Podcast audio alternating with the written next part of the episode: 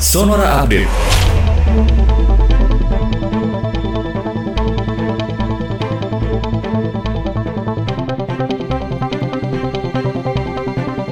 Sahabat Sonora, pimpinan Pusat Muhammadiyah mengusulkan agar pemberangkatan haji ditunda pada tahun ini. Sekretaris Umum PP Muhammadiyah Abdul Muti mengatakan penundaan perlu dilakukan karena hingga kini pandemi COVID-19 masih berisiko terhadap penyelenggaraan haji.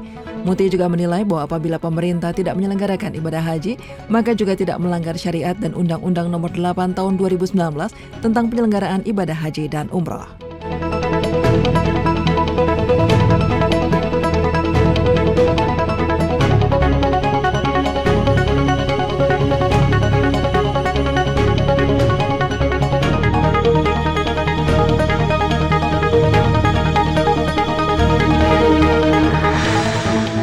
Menteri Keuangan Sri Mulyani Indrawati menilai proses pemberian vaksinasi menjadi salah satu elemen pendorong dalam pertumbuhan ekonomi.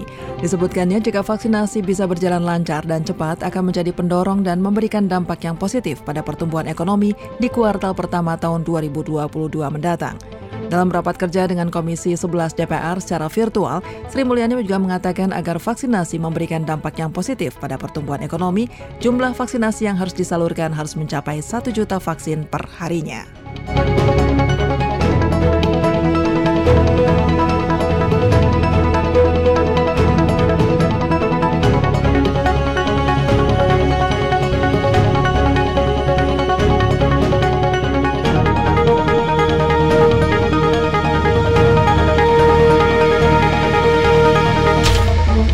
Dan beralih ke berita mancanegara, sahabat Sonora persetujuan penggunaan darurat CoronaVac vaksin COVID-19 buatan Sinovac Biotech China oleh Organisasi Kesehatan Dunia atau WHO menunjukkan vaksin ini sudah memenuhi standar keamanan, kemanjuran, dan produksi internasional.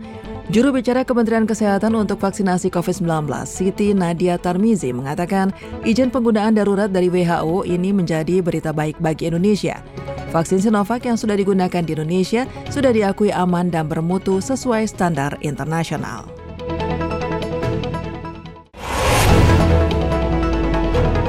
Demikian Sonora Update.